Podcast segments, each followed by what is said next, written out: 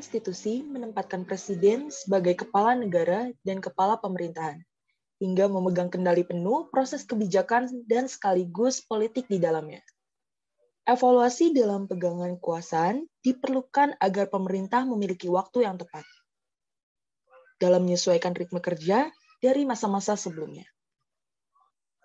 Pada saat sekarang ini, melihat capaian dari kepemerintahan yang dipimpin ini menjadi bukti keseriusan pemerintahan Jokowi. Sekaligus pembeda, apakah kinerja pemerintahan sekarang mengalami perkembangan atau pertumbuhan dari kinerja sebelumnya. Dan juga konkret menjawab permasalahan terkait pihak lain yang ada dan yang muncul. Serta program dan capaian dalam kepemimpinan periode ini menjadi landasan fundamental atau fondasi bagi arahan pembangunan beberapa tahun ke depan. Atas dasar itulah, berdasarkan persepsi publik, menjadi penting dilakukan terlepas dari pemerintahan memiliki institusi atau mekanisme sendiri dalam mengevaluasi.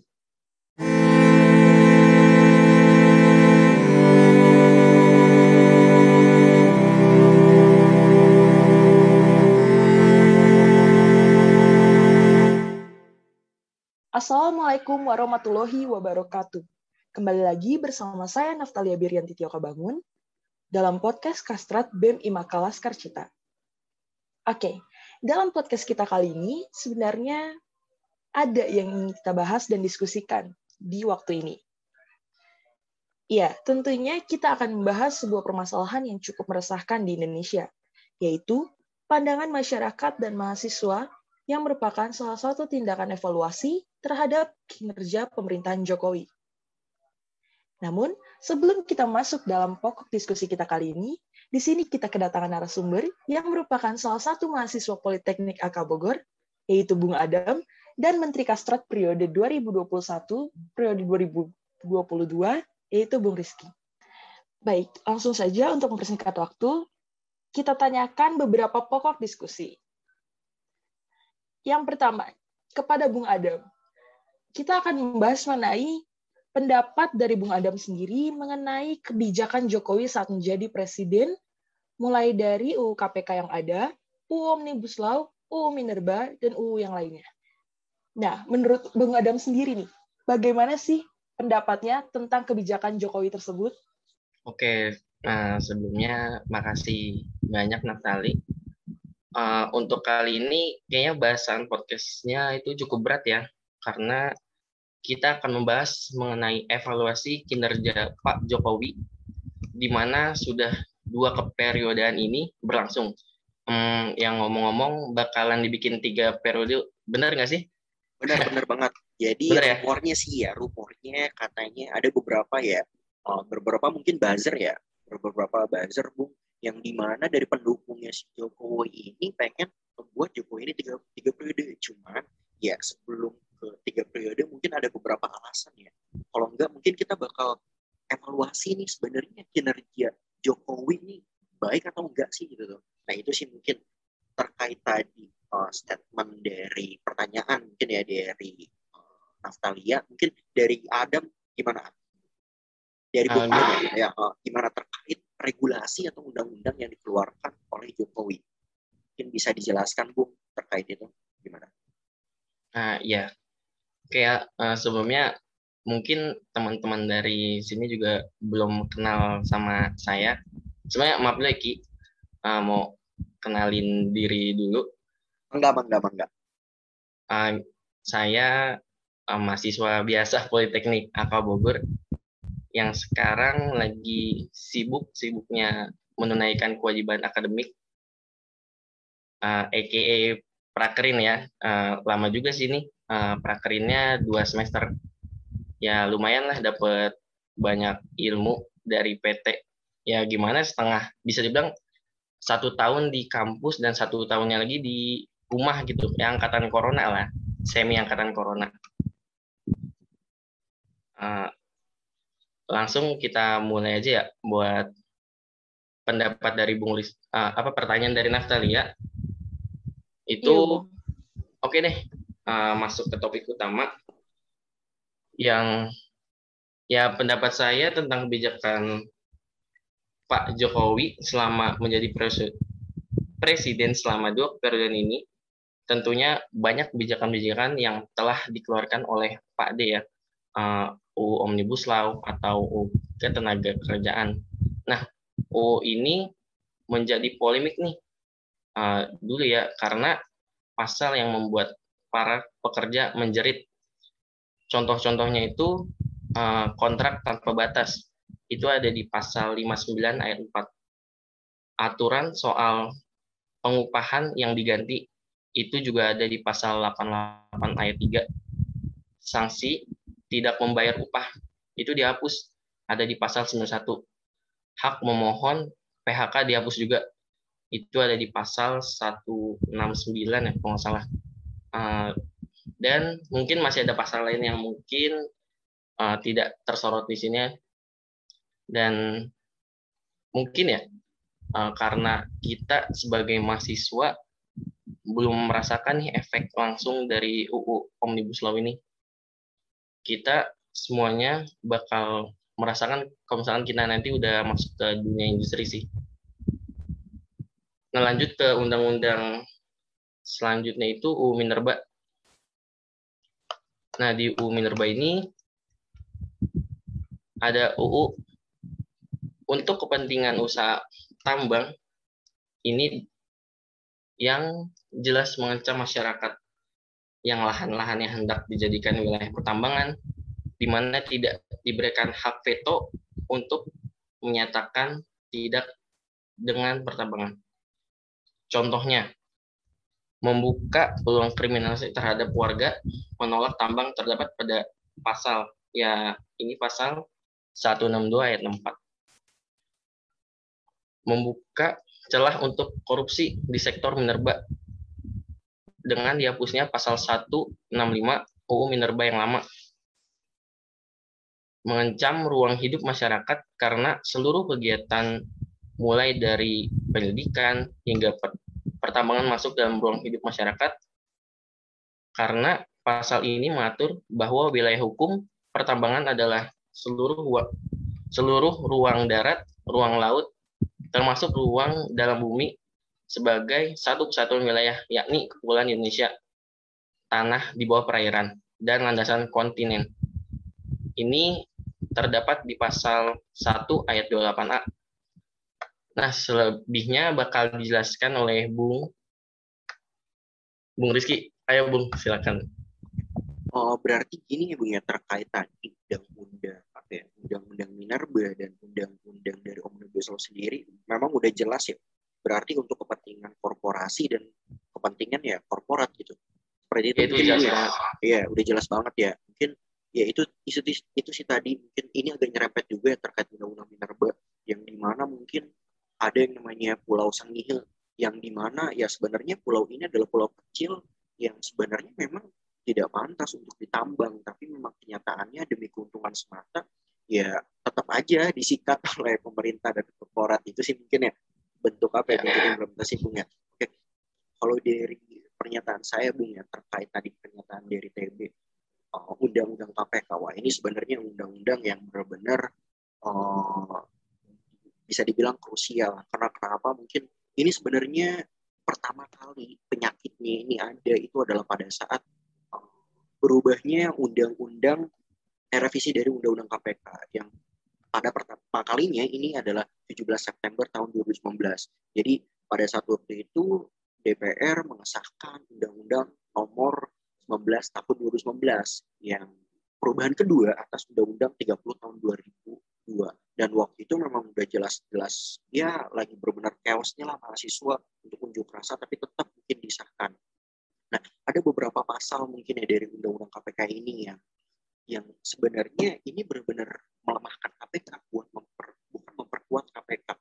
Apa sebenarnya yang menjadi salah satu faktor utama ketika KPK ini dilemahkan? Yang pertama, mungkin dari pasal 1 ayat 6 yang di mana undang-undang KPK ini menjelaskan seluruh pegawai KPK ini adalah harus wajib menjadi anggota SM. Sedangkan dari KPK sendiri notabene-nya atau hadiah reformasinya awalnya memang lembaga ini adalah lembaga independen ketika pegawainya ini adalah ya dimasukkan ke dalam aparatur sipil negara atau tunduk kepada negara ya bagaimana dari legalitas dari independen itu sendiri sendiri gitu. Sedangkan ya KPK ini adalah lembaga independen, mereka tidak ke mana-mana, mereka punya integritasnya sendiri gitu. Dan sangat disayangkan ketika menjadi ASN ya sudah jelas ada campur tangan pemerintah untuk tunduk KPK eh, ini kepada pemerintah. Itu semungkin ya. Dan proses peralihan tersebut yaitu dilakukan dengan yang namanya tes wawasan kebangsaan dan ya udah jelas lah pokoknya lagi viral-viralnya Bung ya waktu itu tes wawasan kebangsaan negara. Ya, oh betul banget. Mulai dari ditanya apa ya ditanya kamu pakai hijab atau enggak, terus ditanya kamu oh ya aliran aliran Islam kamu apa? Itu udah jelas-jelas melanggar sih maksudnya melanggar hak asasi manusia. Itu udah ter, udah apa ya udah tertera sih di pasal 28G ayat 1 undang-undang undang-undang dasar negara tahun 1945 gitu. Dan itu sih mungkin ya salah satu faktor utamanya ya.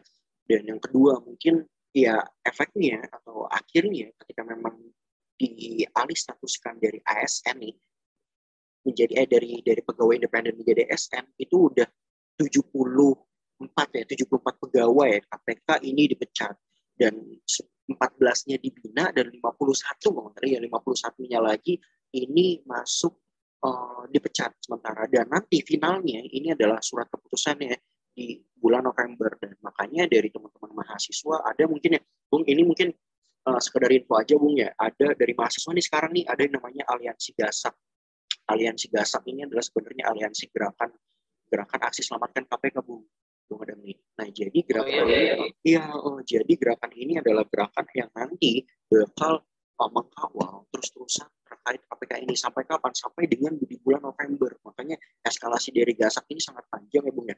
Itu sih mungkin ya. Dan ya beberapa kasus pemelaman apa pelemahan KPK ini banyak sekali Bung intinya. Seperti mungkin senior-senior KPK Novel Baswedan dan yang lain-lainnya yang ada kalau mereka itu adalah sedang menangani kasus-kasus korupsi besar. Nah mungkin nanti bakal kita bahas nih kasus-kasus korupsi besar apa aja sih yang mungkin sekarang lagi ya sebenarnya lagi mencuat gitu itu sih mungkin dan yang kedua ini tadi mungkin regulasi kebijakan terhadap undang-undang omnibus law udah dijelaskan oleh Bung Ada undang-undang minerba juga udah undang KPK juga udah. Yang kedua mungkin dan undang-undang ITE mungkin ya.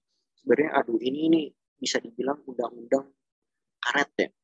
Kenapa di undang-undang karet? Iya udah banget itu karet. Nah karet parah sih.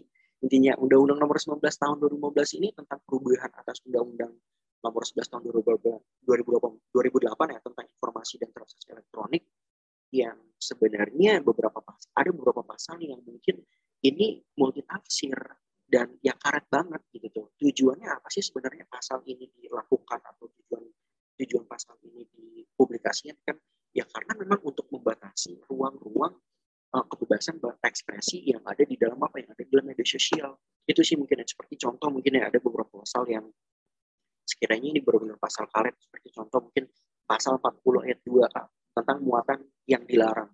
Nah, ini nih rentan dijadikan alasan untuk mematikan jaringan atau menjadi dasar internet shutdown dengan dalih memutuskan informasi hoax. Yang kedua mungkin pasal 40 ayat 2 tentang pemutusan akses. Nah, pasal ini bermasalah juga nih karena penegasan peran pemerintah lebih diutamakan dari putusan pengadilan. Dan yang terakhir mungkin ada pasal 45 tentang ayat 3 tentang ancaman penjara tindakan deformasi. Terus juga pasal 29 tentang ancaman kekerasan. Ini rentan sekali nih dipakai untuk mempidana orang yang mau melapor ke polisi. Dan beberapa pasal yang lainnya intinya terkait undang-undang ITE ini. Biasanya gitu mungkin ya. Oh, dari saya terkait apa ya terkait regulasi kebijakan undang-undang yang sebenarnya undang-undang ini adalah undang-undang yang merugikan benar-benar merugikan rakyat kurang lebih seperti itu ya ini apa namanya uh, Natalia. Oh, baik. Um, begini Bu, uh, mungkin saya akan bertanya kembali mengenai salah satunya yaitu Undang-Undang Pasal Karet.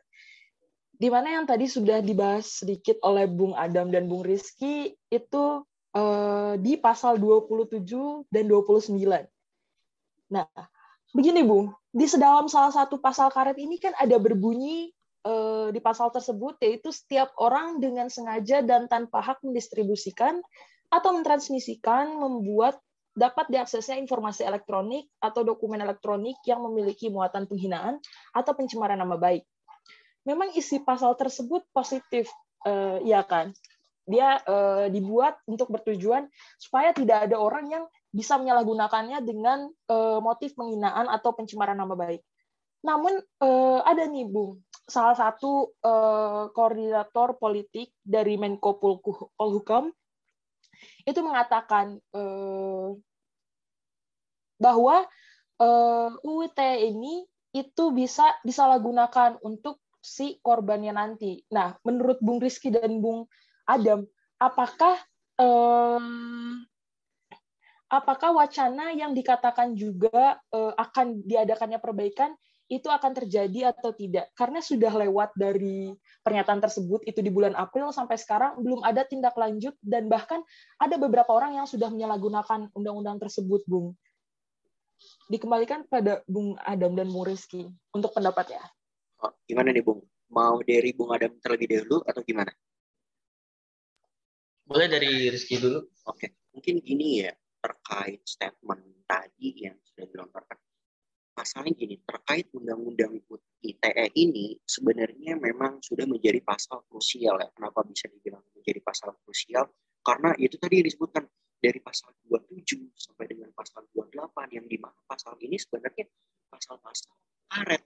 Misalnya contoh, ketika ada sebuah case ya, case misalnya contoh sebuah case tindak kejahatan eh, KGBO atau tindak kejahatan gender berbasis online yang di mana kejahatan ini sering bisa dilakukan apalagi saat online begini ya. Nah, ketika memang kita menyebarluaskan sedikit aja, menyebarluaskan kepada teman atau dibuat tes kejahatan itu, itu udah terhadap pelanggaran.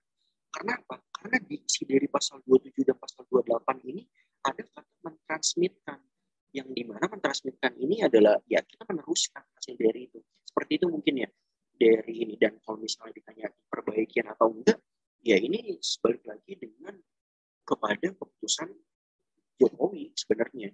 Ketika memang Presiden Jokowi mengarahkan kepada DPR untuk memperbaiki ya bisa sebenarnya bisa saja dilaksanakan. Tapi kan ini adalah skematik yang dibuat oleh DPR untuk apa? Untuk ya menopeng beberapa oknum supaya apa? Supaya mungkin melindungi gitu ya. Karena mungkin undang-undang ITE ini sebenarnya ada beberapa hal yang menguntungkan. Itu tadi menguntungkan pemerintah dan korporasi. Seperti itu mungkin kalau dari tanggapan saya mungkin dari ini Bung Bung Adam terkait apa ya regulasi. Sebenarnya gini Bung uh, terkait regulasi semuanya terkait undang-undang KPK undang-undang omnibus law undang-undang ITE dan undang-undang ya undang-undang revisi dari undang-undang KPK sebenarnya ini kalau dari Bung Adam tanggapannya dunia tanggapannya apa sih?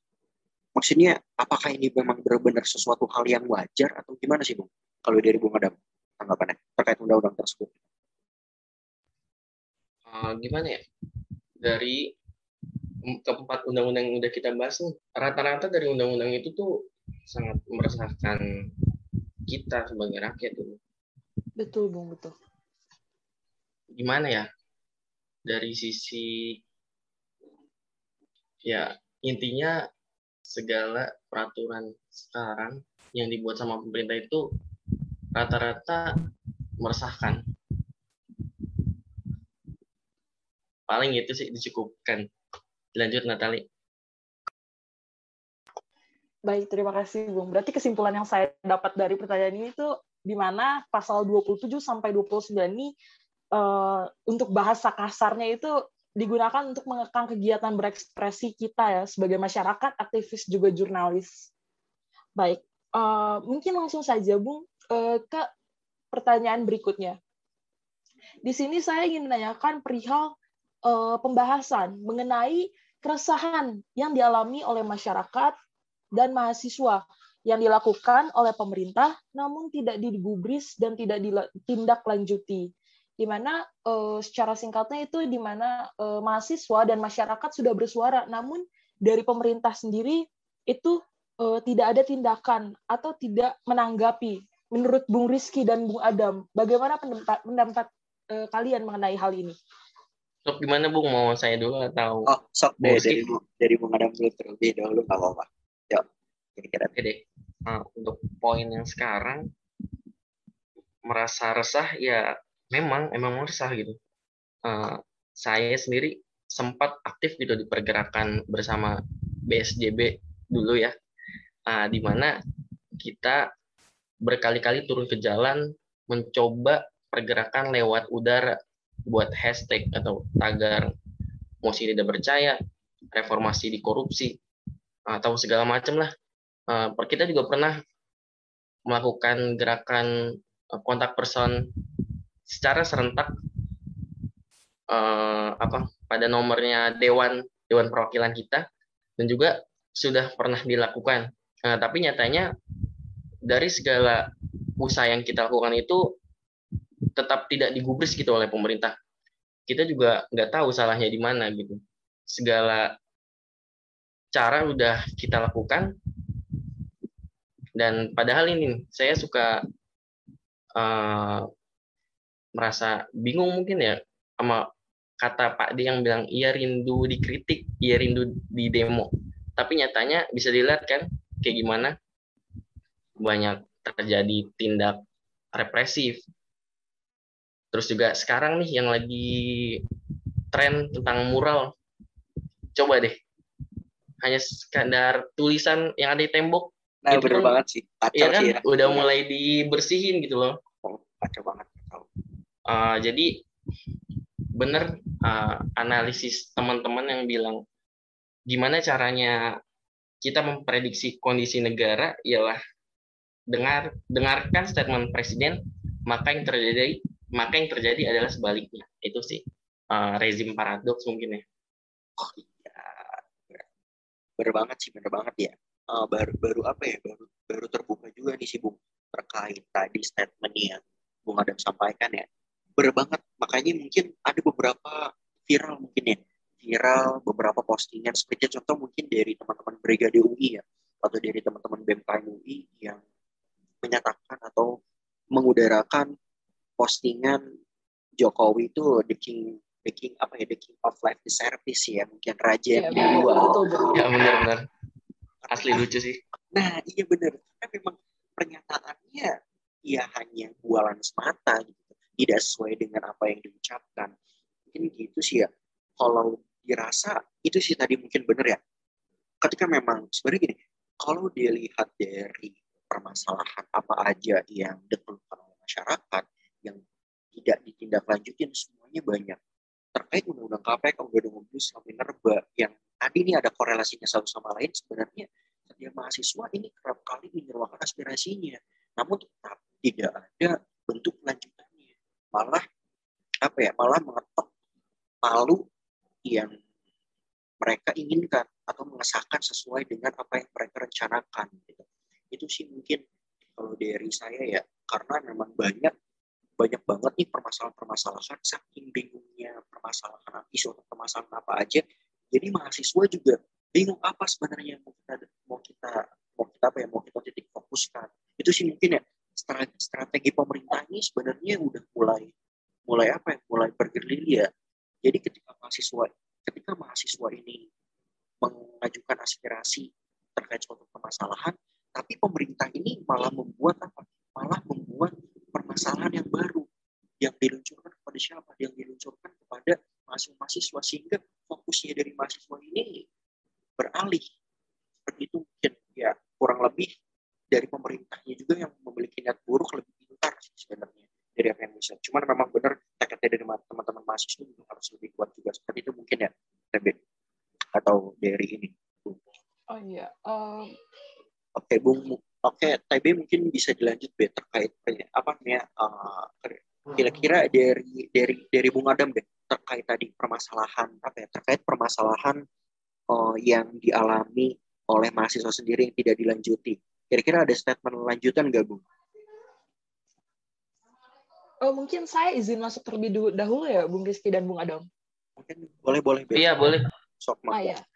Uh, bagi gini, uh, pemerintah tidak menggubris karena ada satu hal di mana mereka yang memimpin itu mengatakan bahwa kita harus tetap sabar dan sabar. Nah, uh, hal itu tidak menghibur kita sama sekali sebagai mahasiswa dan rakyat. Nah, menurut Bung Rizky dan Bung Adam, uh, saya mau minta pendapat kembali ini ya.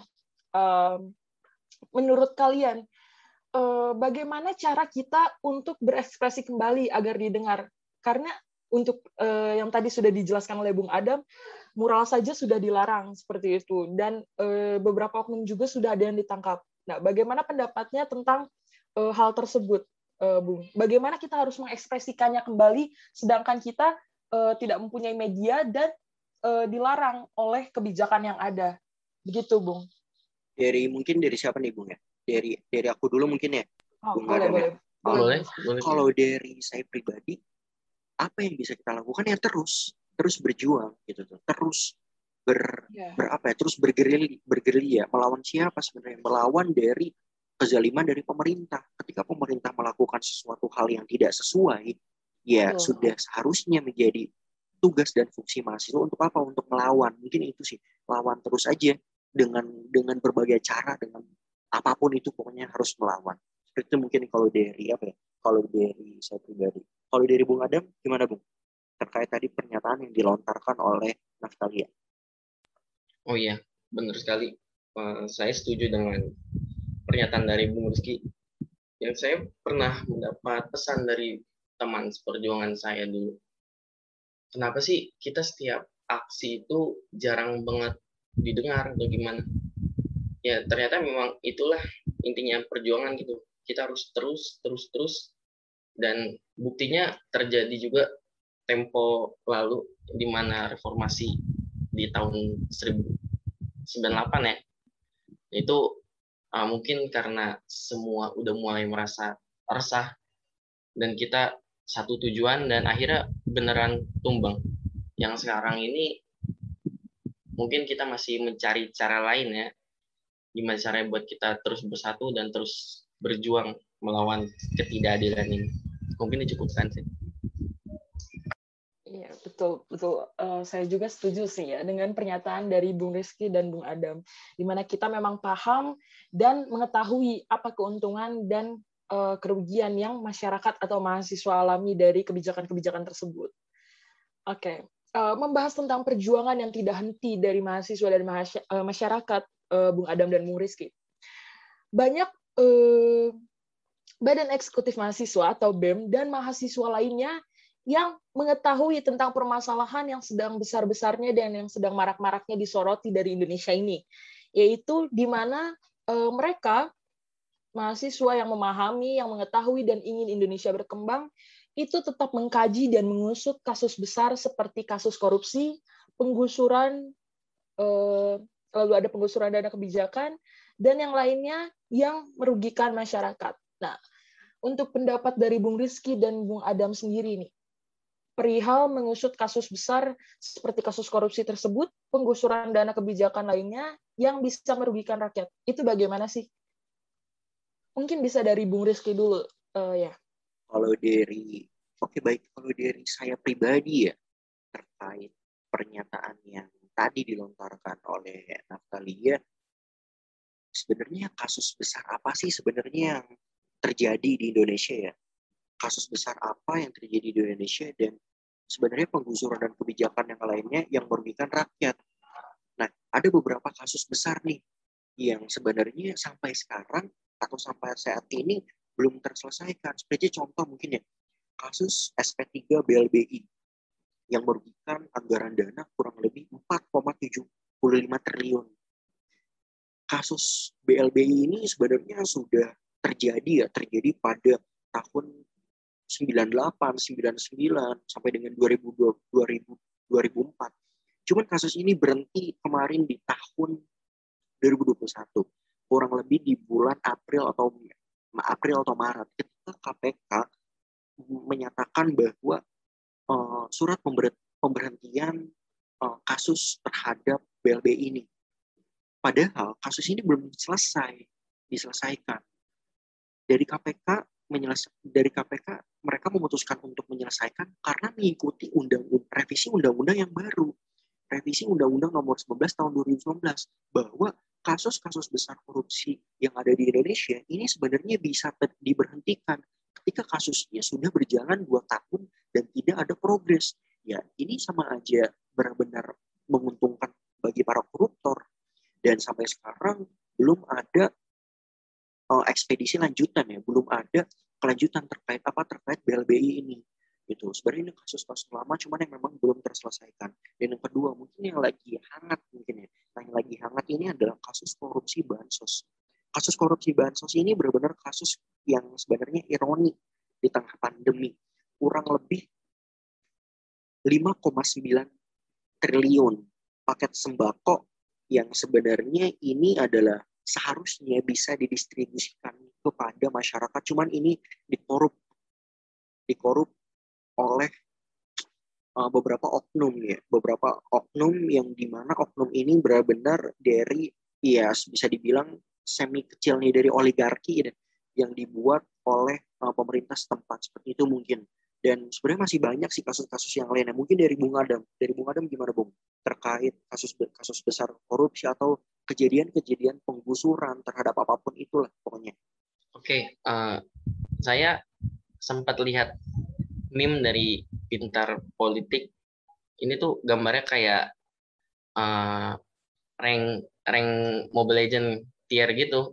Kayak yang pertama Mythical Glory Unknown dana bansos COVID Mythic 2, eh, 23,7 triliun Asabri Legend 13,7 triliun Jiwasraya Epic 7 triliun Bank Century sampai Warrior gitu Warrior itu 2,3 triliun EKTP.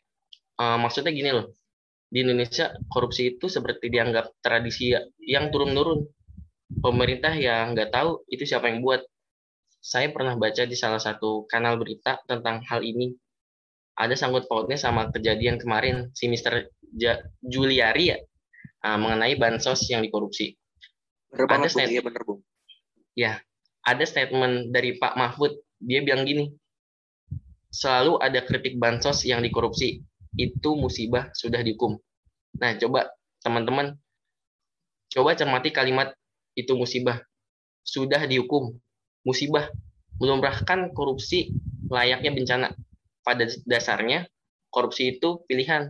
Kalau bencana kan, itu kita nggak bisa milih. Kalau itu datangnya dari yang maha kuasa, Tuhan itu. Ya benar sih, yang ini juga yang maha kuasa cuma kuasa atas rakyat maksudnya. Uh, gini. Oke lah kalau korupsi di Indonesia sudah mendarah daging. Udah ada inter intervensi dari sana sini. Dari vertikal horizontal semua korupsi. Tapi semua uh, semua sampai kapan ini bukan masalah dihukum atau belum tapi cara penjagaan pencegahannya kayak gimana biar enggak kayak gini-gini terus uh, yang sekarang aja gar, bisa dibilang garda terdepan dari menangani korupsi yaitu KPK itu udah bisa dibilang udah dikontrol. Bener nggak sih, Bung? Bener betul, banget. Betul, Bung. Intinya udah di apa ya, semacam kayak oh, talinya ya udah yang megang, semua kendali yang megang adalah pemerintah. Jadi waduh, kalau bisa dibilang mendarah daging mungkin udah bisa dibilang udah terdebon lah korupsi udah sampai mendarah tulang mungkin. Bener banget bener banget sih. Iya. mungkin gitu sih bung ya. Ya intinya waduh kalau dibilang korupsi ini benar-benar ya kita nggak bisa bayangin ya korupsi yang udah terjadi di Indonesia. Mungkin gitu sih. Uh, dikembalikan mungkin ke Natalia terkait pernyataan statement tadi ya Natalia. Baik um, terima kasih Bung Rizky dan Bung Adam sebelumnya atas pernyataan dan jawabannya memang betul yang sudah dikatakan oleh uh, Bung Adam ya, waktu sudah lama dan mereka masih meminta kita untuk sabar atas tindakan yang akan mereka lakukan. Nah, membahas tentang tindakan di waktu yang sudah lama ini, uh, saya ingin bertanya kembali, uh, merupakan salah satu pokok dari bahasan kita malam hari ini juga, yaitu uh, mengenai tindakan represif dari pihak aparat kepada mahasiswa saat berjalannya aksi. Nah, di mana kan tadi uh, sebelumnya kita sudah membahas dari waktu dan tindakan yang lama dari pemerintah, tidak adanya kelanjutan, melainkan permasalahan yang timbul dari korupsi-korupsi tersebut. Dan uh, perihal dari Bung Rizky sampaikan, di mana kita harus terus berjuang. Nah, bagaimana uh, pendapat Bung Rizky dan Bung Adam tentang tindakan pihak aparat tersebut kepada mahasiswa yang sedang uh, menyuarakan uh, keinginannya atas keresahan masyarakat tersebut? Mungkin dari Bung Adam terlebih ya, Bung. So, mungkin Bung Adam ingin mengajukan. Bung. Oke, Ki. Uh, mengenai tindakan represif ya pihak aparat saat menjalankan aksi, uh, ini banyak banget ya terjadi maupun di pusat maupun daerah. Kalau mau disebutin, kayaknya banyak banget sih uh, dari tiap aksi mungkin ya. Iya betul betul bang. Ya saya sendiri pernah ngalamin, untungnya nggak sampai ketangkap apalagi dipukulin. Kalau kena ya kasihan juga orang-orang sekitar, keluarga, kerabat, kolega gitu. Dulu pernah ikut aksi di tahun 2019 dulu reformasi di korupsi RU KUHP kalau nggak salah di gedung DPR. Uh, kami para demonstran dilempari gas air mata dan untungnya dulu kami sigap menarik mundur pasukan dari AK dan buat evakuasi ke stasiun Palmerah ya kalau nggak salah. Yaitu uh, alhamdulillahnya aman sih kita teman-teman dari AK. Kita juga telat penjadwalan pulang karena uh, area di sekitar kereta tuh diblokade karena terjadi bentrok lah antara uh, apa aparat polisi dan mahasiswa. Uh, ada momen epic sih menurut saya ini epic gimana dari mahasiswa itu melempar balik gas air mata langsung ke para ini itu polisi kapan itu keren banget sih. Itu tahun 2019. Kapan? Oh, 2019. Tahun 2019. Ya itu sempat apa ya udah lama nih kan pergerakan di mahasiswa meredup. Nah ini mulai menyatu lagi nih di RU KUHP masalah. Nah itu parah sih. Uh, gimana ya? Uh, kita kan mahasiswa nih, masyarakat bergerak bersama, turun ke jalan menyampaikan aspirasinya langsung. Tapi ini bukan yang diterima baik-baik, malah dapat tindakan represif. Kita yang datangnya bawa damai, justru disambut dengan penjagaan polisi dengan perlengkapan baking perang gitu. Aneh sih parah. Yang harusnya mengayomi rakyat malah menganiaya menganiayai rakyat sih. Ini nggak bisa pikir. Kalau dari Bung Rizky gimana? Kalau tanggapan saya Bung ya terkait tindakan reaksi pemerintah terhadap mahasiswa ini mahasiswa ini dianalogikan kalau dari mata dari mata polisi ya mahasiswa ini kalau lagi demo mereka nganggapnya kita bukan manusia kayaknya. Mereka nganggapnya kita adalah maling. Mereka nganggapnya kita adalah tindak kejahatan yang udah melakukan kejahatan gitu. Intinya gitu sih mungkin. Karena memang ya benar tadi apa yang dikatakan Bung Adam ya. Setiap kali kita aksi yang di mana aksinya ini adalah untuk mementingkan kepentingan rakyat, tapi yang menjadi uh, pola dasar pemikiran polisi ya kenapa mereka menghalangi niat baik kita itu mungkin yang menjadi apa ya yang sampai sampai sekarang belum belum belum belum habis pikir gitu tuh dari polisinya sendiri gitu kan padahal apakah memang setiap kali aksi polisi diberikan uang yang sangat banyak kah? Dikasih apa ya dikasih sogokan yang banyak kah? Ya entah itu sih entah bagaimana ya mungkin ya. Tapi memang benar-benar krusial sih dari apa ya dari tindakan yang sudah jelas-jelas melanggar dari apa ya dari YLBHI juga mendata bahwa tahun 2020 eh 2019 2020 itu sekitar 657 di daerah ataupun di nasional yang ya korban terkait apa terkait tindakan pemerintah yang melakukan eh, tindakan polisi yang melakukan kekerasan terhadap siapa? Terhadap mahasiswa. Pada saat apa? Pada saat melakukan demonstrasi atau unjuk rasa. Dan ini udah jelas-jelas sih sebenarnya sebenarnya udah melanggar hukum. Dan padahal dari ketua YLBHI itu menyatakan bahwa tindakan represif yang dilakukan aparat kepolisian tersebut ini udah jelas-jelas melanggar kemerdekaan. Kemerdekaan apa? Kemerdekaan menyampaikan pendapat di muka umum yang jelas-jelas ini dijamin oleh siapa? Undang-Undang 1045, Undang-Undang nomor 39 tahun 99. Tentang apa? Tentang hak asasi manusia dan Undang-Undang nomor 9 tahun 2000 tahun 1998 tentang apa? Tentang kemerdekaan menyampaikan pendapat di muka umum. Dan selain melanggar konstitusi dan peraturan perundang-undangan, polisi juga sebenarnya melanggar peraturan. Melanggar apa sih, Bre? Melanggar peraturan Kapolri Undang-Undang Nomor 1 tahun 2019 tentang penggunaan kekuatan dalam tindakan kepolisian dan peraturan Kapolri Nomor 2 tahun 2019 tentang penindakan huru hara atau PHH. Jadi setiap kali mereka melakukan tindakan represi, sebenarnya kita bisa menggugat apa menggugat semua uh, polisi-polisi atau oknum mungkin ya, nggak semua polisi sebenarnya, oknum-oknum polisi yang melakukan tindakan represif kepada siapa? Kepada mahasiswa.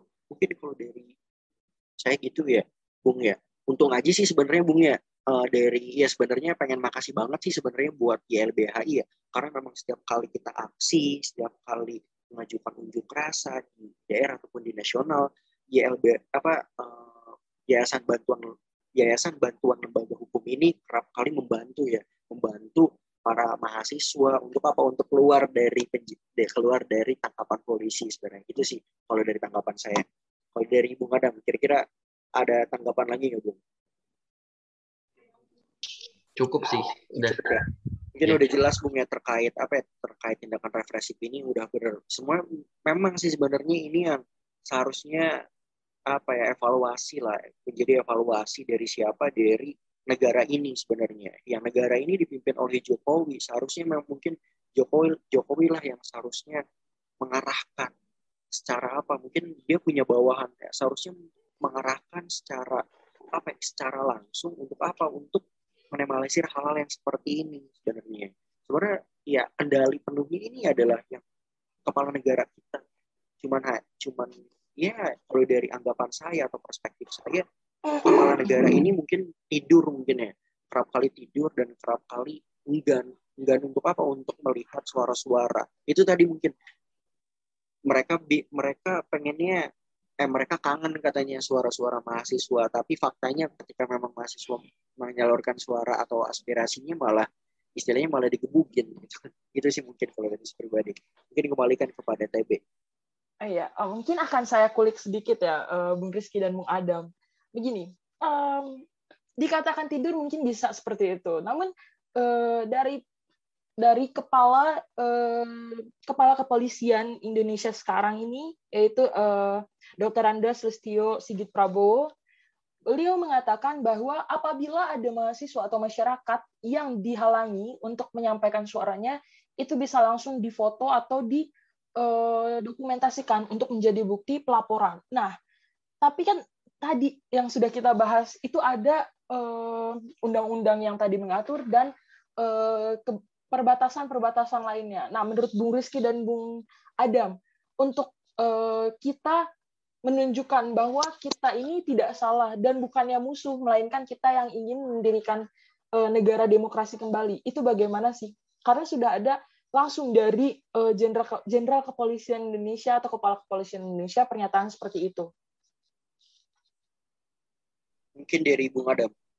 Gimana Bung tanggapannya Bung terkait hal itu Bung? Oke, mungkin gini ya Naftali ya terkait tadi pernyataan tadi. Intinya gini sih mungkin ya. Terkait masalah negara. Sebenarnya ini adalah itu tadi ketidaksinkronan antara beberapa pihak dengan pihak yang lainnya ini adalah mereka bersatu. Ketika memang ada sesuatu permasalahan nih sesuatu permasalahan ini adalah menyinggung para korporasi dan menyinggung para pemerintah. Dan ketika permasalahan itu timbul, ada suara mahasiswa yang apa yang membawa kepentingan rakyat. Tapi ketika mahasiswa ini adalah mengedepankan kepentingan rakyat, dari pemerintah itu sendiri akan memblokade memblokade apa? Memblokade semua strategi-strategi yang dikeluarkan oleh siapa? Oleh mahasiswa. Sehingga apa? Sehingga semua cara yang dilakukan untuk membatalkan dari mulai niat, dari mulai strategi, dari mulai apa ya kajian-kajian yang sudah dibuat oleh mahasiswa terkait permasalahan itu mereka bungkam dengan cara apa? Dengan itu tadi, dengan segala macam hal yang kendatinya pemerintah ini memang mempunyai apa saja dan bisa melakukan apa saja. Mungkin itu sih kalau dari tanggapan Rizky ya terkait tadi pernyataan dari Naftalia. Gitu. Oke, baik. Berarti yang saya tangkap itu benar ya. Eh, kita ada kesalahan komunikasi dan benar-benar memang eh, dari pihak mereka atau pihak berwajib itu perlu melakukan evaluasi tersendiri untuk mengetahui maksud dari mahasiswa dan masyarakat yang menyampaikan yang menyampaikan suaranya. Oke. Uh, selanjutnya mungkin langsung saja uh, Bung Rizky dan Bung Adam. kita membahas ke kebijakan kembali. Namun kebijakan sekarang ini yang mungkin saya akan bahas mengenai kita sebagai mahasiswa ya. Baik, untuk Bung Rizky dan Bung Adam, eh, saya ingin mengetahui mengenai segala bentuk kebijakan yang eh, merugikan dan meresahkan dari aspek pendidikan selama pandemi. Baik itu pendidikan dari tingkat dasar, menengah, eh, menengah pertama, menengah ke atas, dan eh, kita sebagai mahasiswa. Bagaimana menurut uh, Bung Rizky dan Bung Adam? Kira-kira dari Bung Adam, Bung Adam ada tanggapan nggak Bung? Terkait apa ya? Terkait ini apa namanya? Oh, tadi kira-kira kebijakan yang ya, kebijakan apa sih sebenarnya selama pandemi ini ya? Selama pandemi ini, Betul. Oh, oh yang merugikan aspek dari pendidikan. Dari Bung Adam, gimana Bung kira-kira? Uh, baiklah untuk kebijakan yang merugikan dari aspek pendidikan itu apa ya bisa dibilang negara kita juga kayaknya masih kurang siap ya untuk memanuver tentang kebijakan yang mereka ciptakan gitu. Yang dulu juga sempat ada kebijakan di mana semua awal pandemi ini semua semua sekolah melakukan uh, apa aspek sanitasi. Cuma makin ke sini ternyata covid itu makin naik gitu. Nah itu peraturannya berubah lagi. Yang di mana uh, siswa belajar dari rumah lewat daring lewat meet dan ada bentuk keringanan untuk masih untuk uh, apa siswa-siswa yang berada di daerah yang kekurangan sinyal internet. Mereka bisa melihat dari TV stasiun TVRI nah kayak gitu sih. Jadi apa ya bisa dibilang memang belum siap kebijakan-kebijakan ini. Dan kurang beradaptasi mungkin ya Bung ya? Nah bisa jadi. Oke baik. Nah kalau misalnya dari Bung Rizky sendiri nih bagaimana uh, tanggapannya mengenai kebijakan yang merugikan ini? Dari uh, sisi pendidikan dalam uh, pandemik seperti ini. Kalau dari sisi kebijakan ya kebijakan pemerintah terkait masalah pandemik ini sebenarnya banyak banyak PR PR yang cukup besar ya ketika memang pemerintah ini mengeluarkan sebuah regulasi. Misalnya contoh terkait digitalisasi pembelajaran jarak jauh yang di mana sebenarnya Indonesia ini belum belum siap. Belum siap kenapa belum siap? Ya karena memang semua daerah yang ada di pelosok ya pelosok negeri ini mereka belum punya akses yang bagus. Terkait apa? Dimulai dari akses internet yang cukup baik dimulai dari apa? Dimulai dari uh, device device yang bagus. Intinya apa? Digitalisasi ini belum maksimal. Dan harus apa? Ini harus menjadi PR yang besar. Dan seharusnya pemerintah ini bisa lebih pintar ininya bisa lebih pintar dalam apa dalam melakukan sebuah regulasi atau dalam melakukan sebuah solusi. Yang pertama mungkin ya rekomendasinya ya sebenarnya dimanfaatkanlah dimulai dari apa mulai dari uh, anggaran pembelajaran negara untuk pendidikan sebanyak 20% itu kan.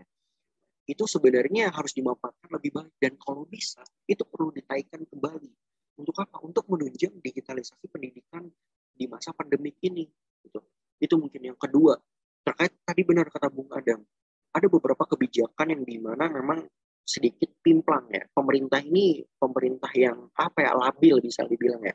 Kenapa labil? Ya karena memang apa kebijakan yang dilakukan pada saat pandemik ini ya bisa dibilang agak cukup klise sehingga apa sehingga mempengaruhi semua aspek dimulai dari aspek ekonomi, aspek pendidikan dan lain-lain sehingga apa sehingga uh, euforia euforia dari kampus dan ataupun pendidikan itu tidak dapat gitu tuh. Jadi akses-akses intelektual yang seharusnya bisa dapat dan digunakan kepada anak-anak Indonesia ini tidak bisa di apa ya tidak bisa disalurkan.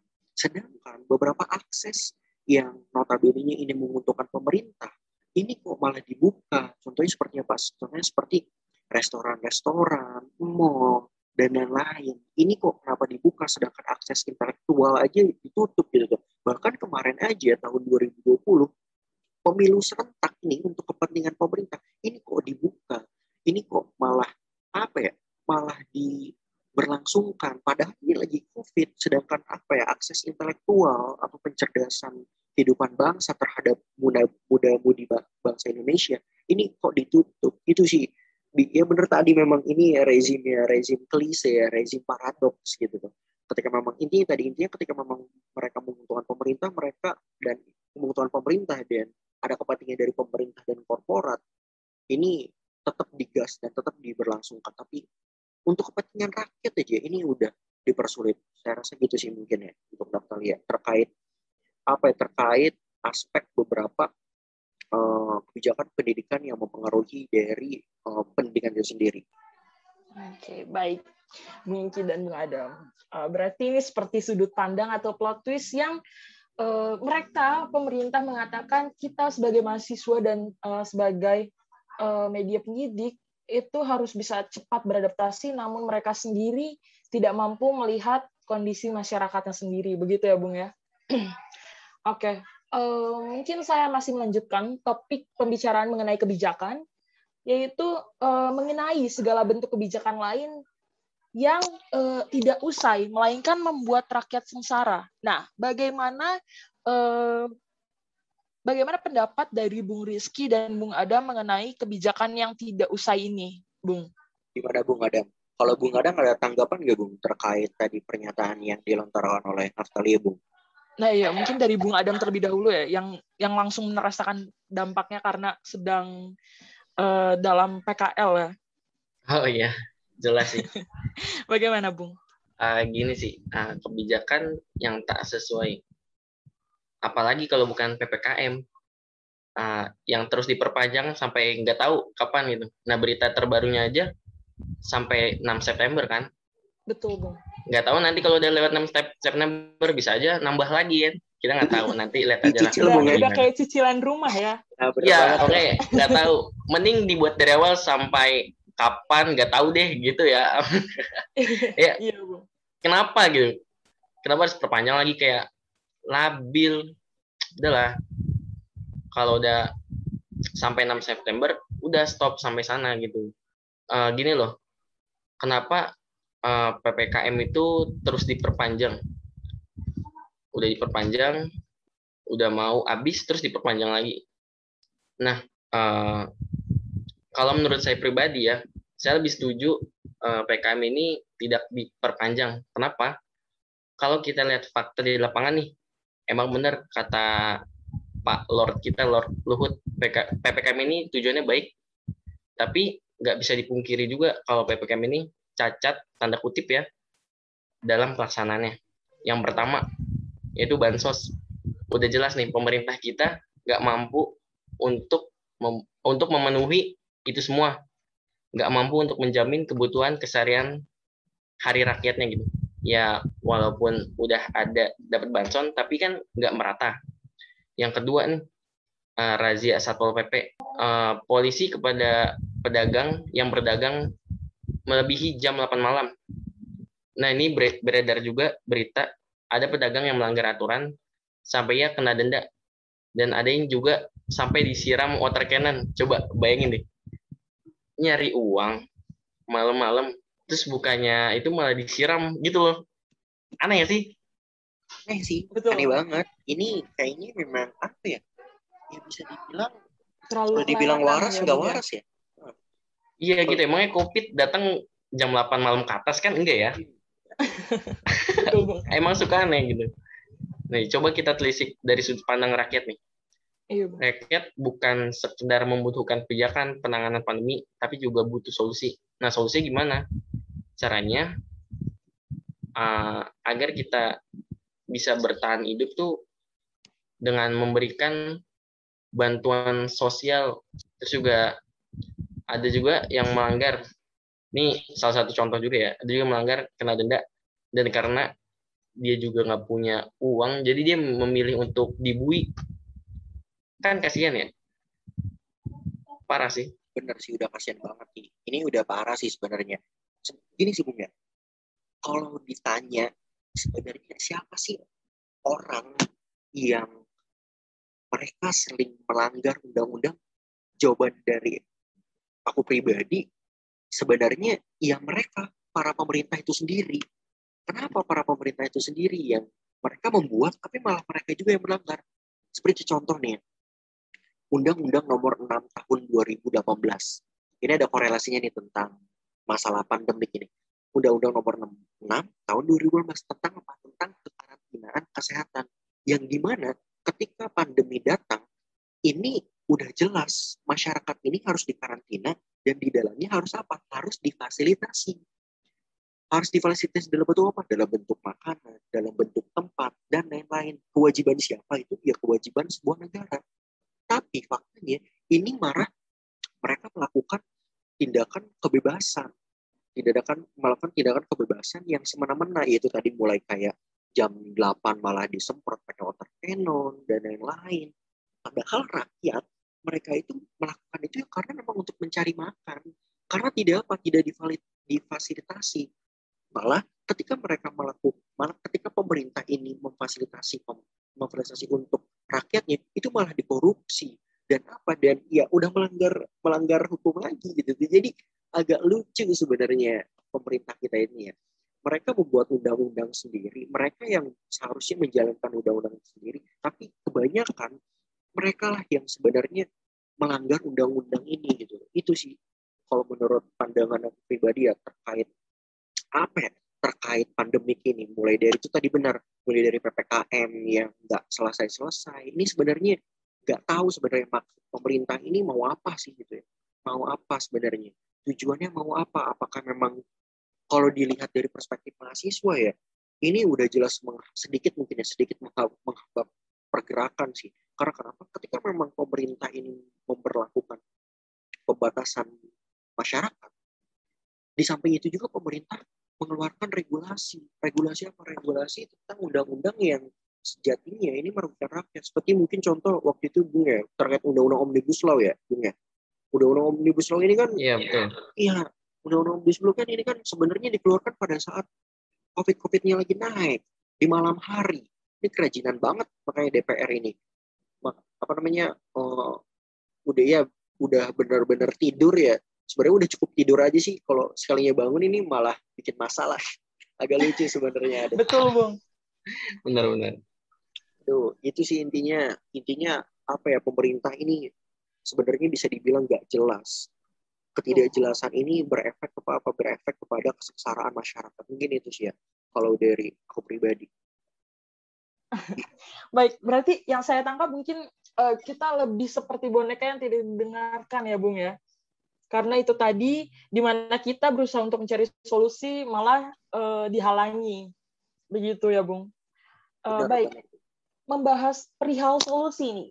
Nah, mungkin ini yang saya bidik terakhir dari uh, diskusi kita kali ini itu perihal bagaimana sih cara atau solusi lain yang kita lakukan atau yang bisa dilakukan untuk memberikan masukan dari hal-hal tersebut dan saran kepada pemerintah. Juga bagaimana eh, mungkin diawali dari kesimpulannya dari diskusi kita kali ini, lalu dilanjut dengan eh, tindakan dan eh, saran masukan lagi kepada pemerintah, Bung Rizky dan Bung Adam.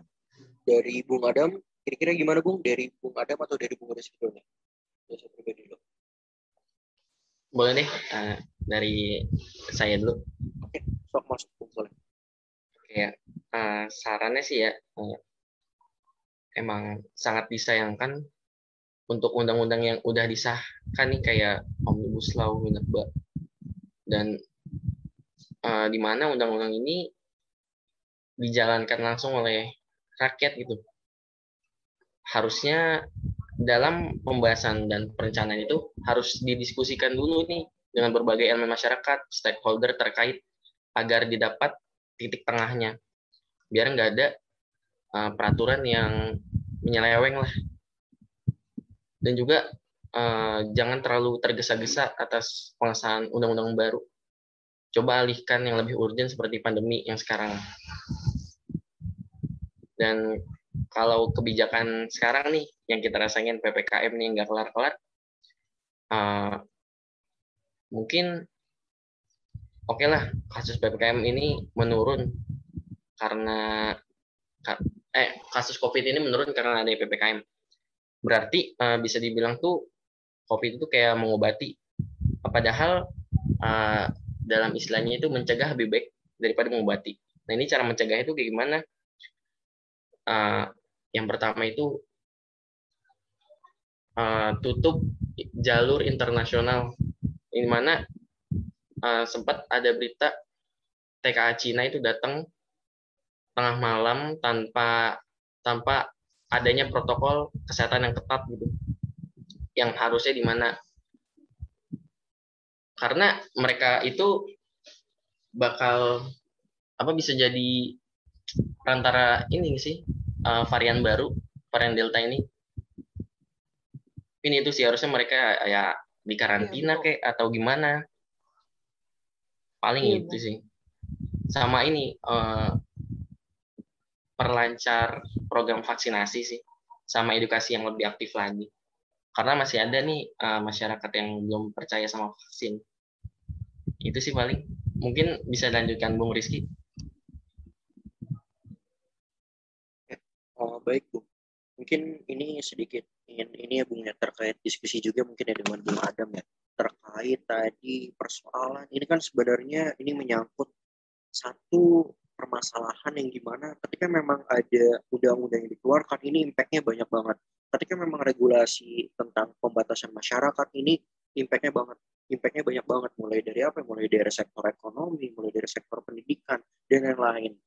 Dan ini menyangkut juga dari kesejahteraan masyarakat uh, Indonesia-nya sendiri. Cuman ini bu kalau dari pendapat aku pribadi ya terkait permasalahan ini memang sebenarnya sebenarnya bisa diselesaikan.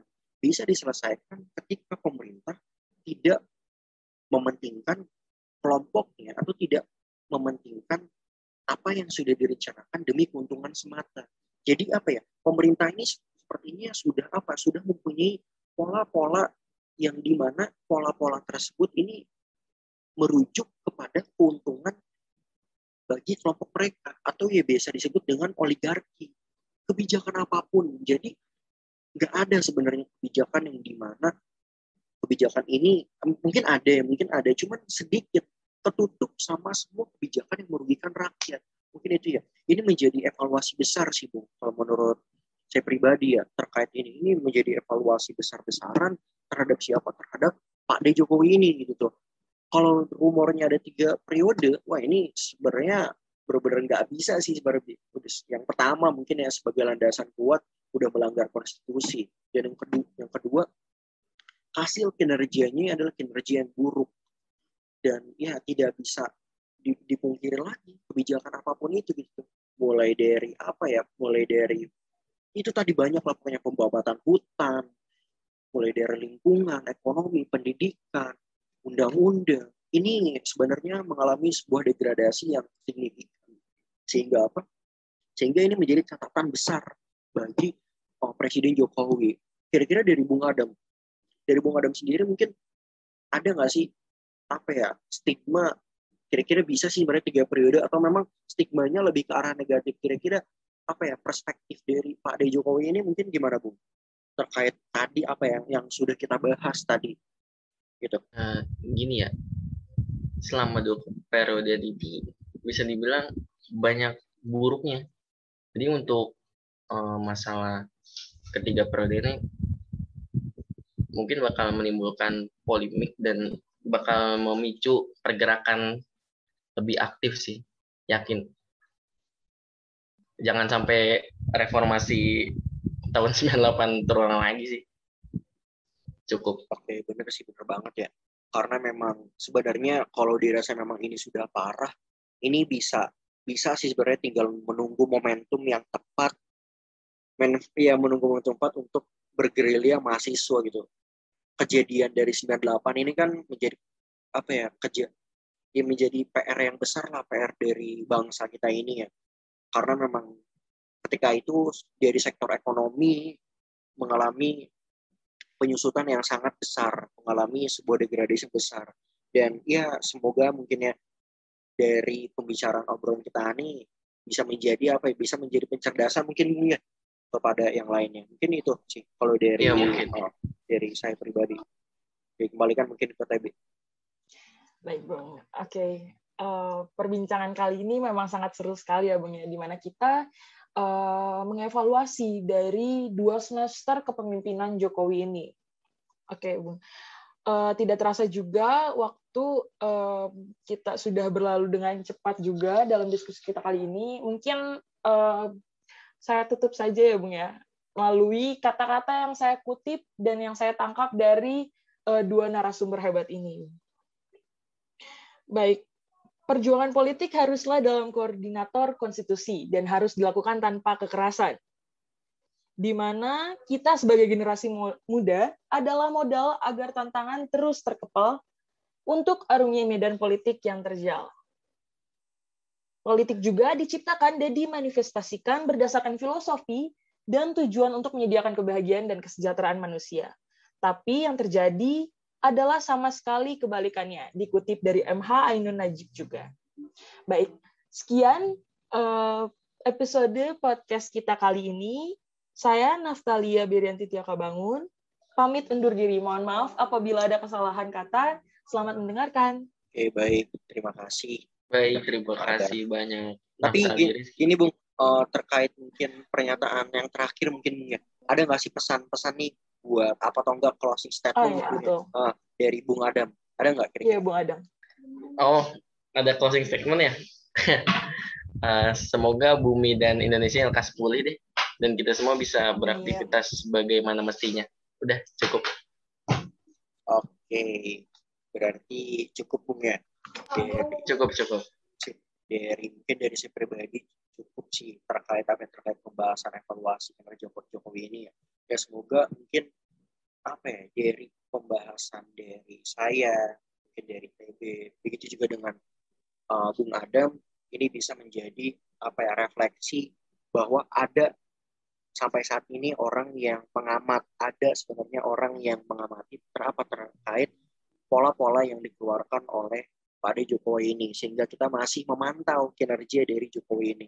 Mungkin itu aja dan harapannya mungkin bagi bagi para pendengar entah itu masyarakat ataupun itu dari mahasiswa atau dari golongan apa pun itulah pokoknya intinya harus pahamlah terkait hal ini karena ini kita hidup di Indonesia dan ya itu tadi harapannya ketika memang mereka sadar akan kondisi yang tidak baik-baik ini mereka terus berjuang di garis jalan perjuangan. Untuk apa? Untuk mengubah menjadi jalan perbaikan.